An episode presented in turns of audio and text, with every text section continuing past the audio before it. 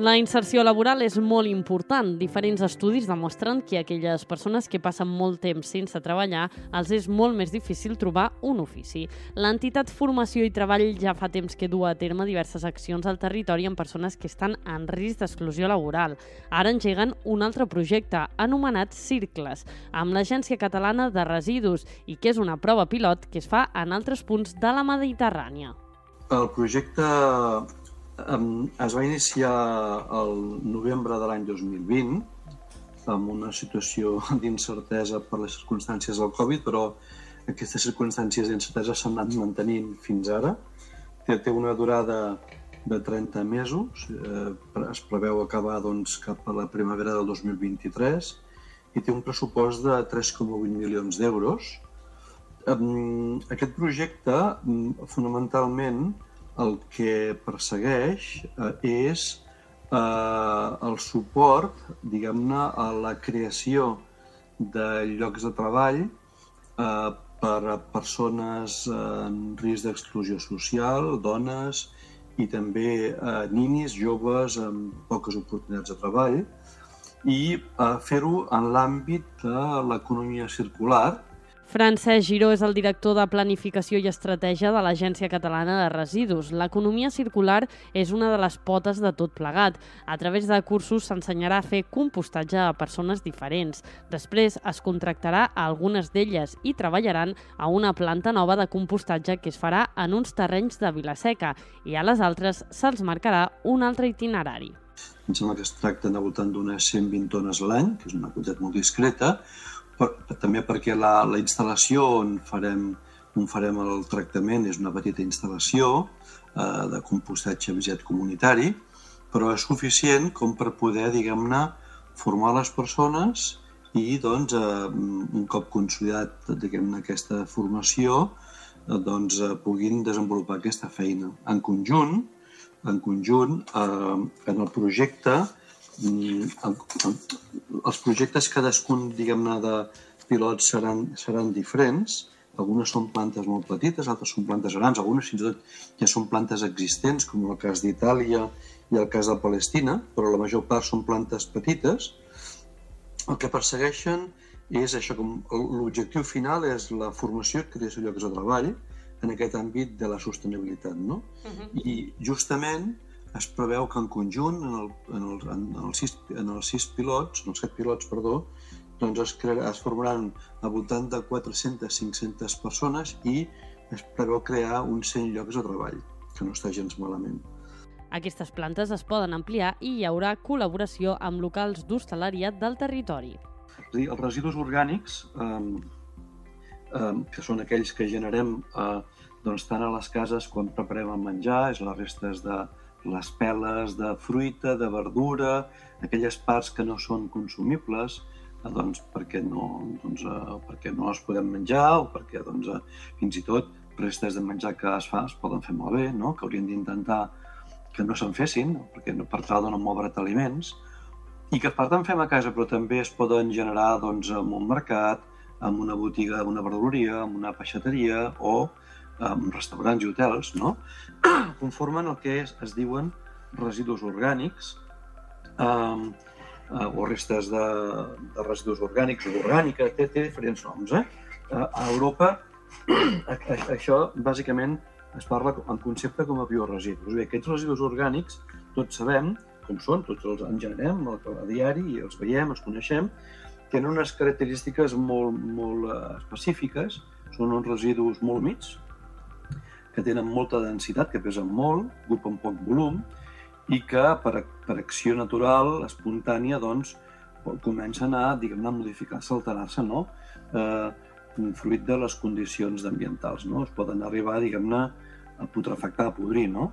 Però, quan es recullen en condicions adequades i es transporten ràpidament amb una instal·lació, es poden començar doncs, a compostar. Compostar és un procés un procés de, de tractament dels residus en el qual doncs, aquests residus orgànics, per acció dels microorganismes, bacteris, fongs, etc., es transformen en, en un cert temps, al voltant d'uns 3-4 mesos, es transformen en un producte que anomenem compost, que seria, vindria a ser com un, com un humus, com una terra vegetal, no? que fa, fins i tot fa molt bon olor. Als set països on es fa aquesta prova pilot no es du a terme el mateix projecte, ja que s'adapta a les necessitats de cada lloc. Itxaso Euba és la responsable del projecte de formació i treball. Som set, set socis eh, de la Mediterrània. Eh, estem eh, Líban, Jordània, Grècia, Tunísia, Itàlia, Palestina i nosaltres. Eh, el líder és l'Agència Catalana de Residus i mm, és un projecte de cooperació transmediterrani eh, que el que vol és, eh, bueno, té dos objectius principals. Eh, un és eh, donar feina o possibilitar feina a persones en risc d'exclusió social, principalment joves i, i dones, i, i a, través de feines d'economia circular, que en aquest cas eh, tots els socis farem una àrea de compostatge. Eh, eh, tots tindrem una àrea de compostatge, les característiques seran diferents perquè s'adaptaran a cada territori, el que tinguin eh, tindran diferents característiques, però tots farem una àrea de compostatge. Eh, per exemple, un dels socis farà eh, piles, nosaltres tenim compostadores per fer compost. Eh, altres, eh, la maquinària que farem servir unes àrees seran més grans que d'altres, les tones que treballarem també seran diferents. En el nostre cas farem 120 tones a l'any, intentarem fer arribar a aquest número. Eh, les característiques seran diferents, però farem tots el mateix. El curs de formació també farem tots el mateix.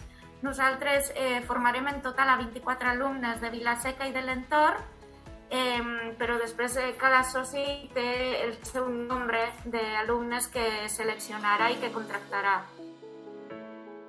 La idea inicial és començar a Vilaseca, però que això es pugui estendre arreu del territori, que aquesta planta només sigui la primera llavor. A partir del mes de març i abril s'iniciarà el primer curs amb una selecció d'alumnes, així com diu Idoia Jiménez, responsable de circles al Camp de Tarragona. És un primer curs amb 12 alumnes, que com s'ha dit, la majoria dels alumnes han de ser de la localitat de, de Vilaseca. Llavors, la selecció, eh, el que es demana, que siguin persones eh, bueno, que estiguin eh, que estiguin, bueno, que siguin col·lectius de risc d'exclusió social, per això les derivacions haurien de ser i han de ser des de serveis socials de la mateixa localitat de Vilaseca. Uh. -huh. Una cartelleria amb un link i les persones que estan interessades pues, els hi farà una xerrada totalment informativa per, per informar del, del curs.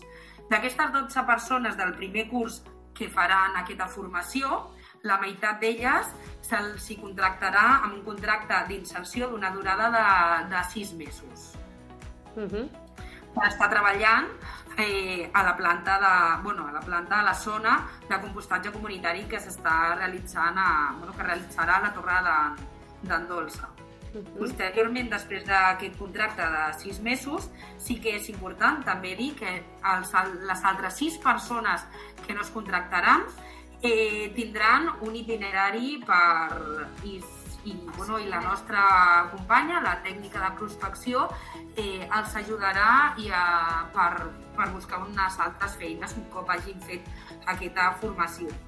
També altres feines o si la seva idea també és autoocupar-se en, aquest, en aquest àmbit.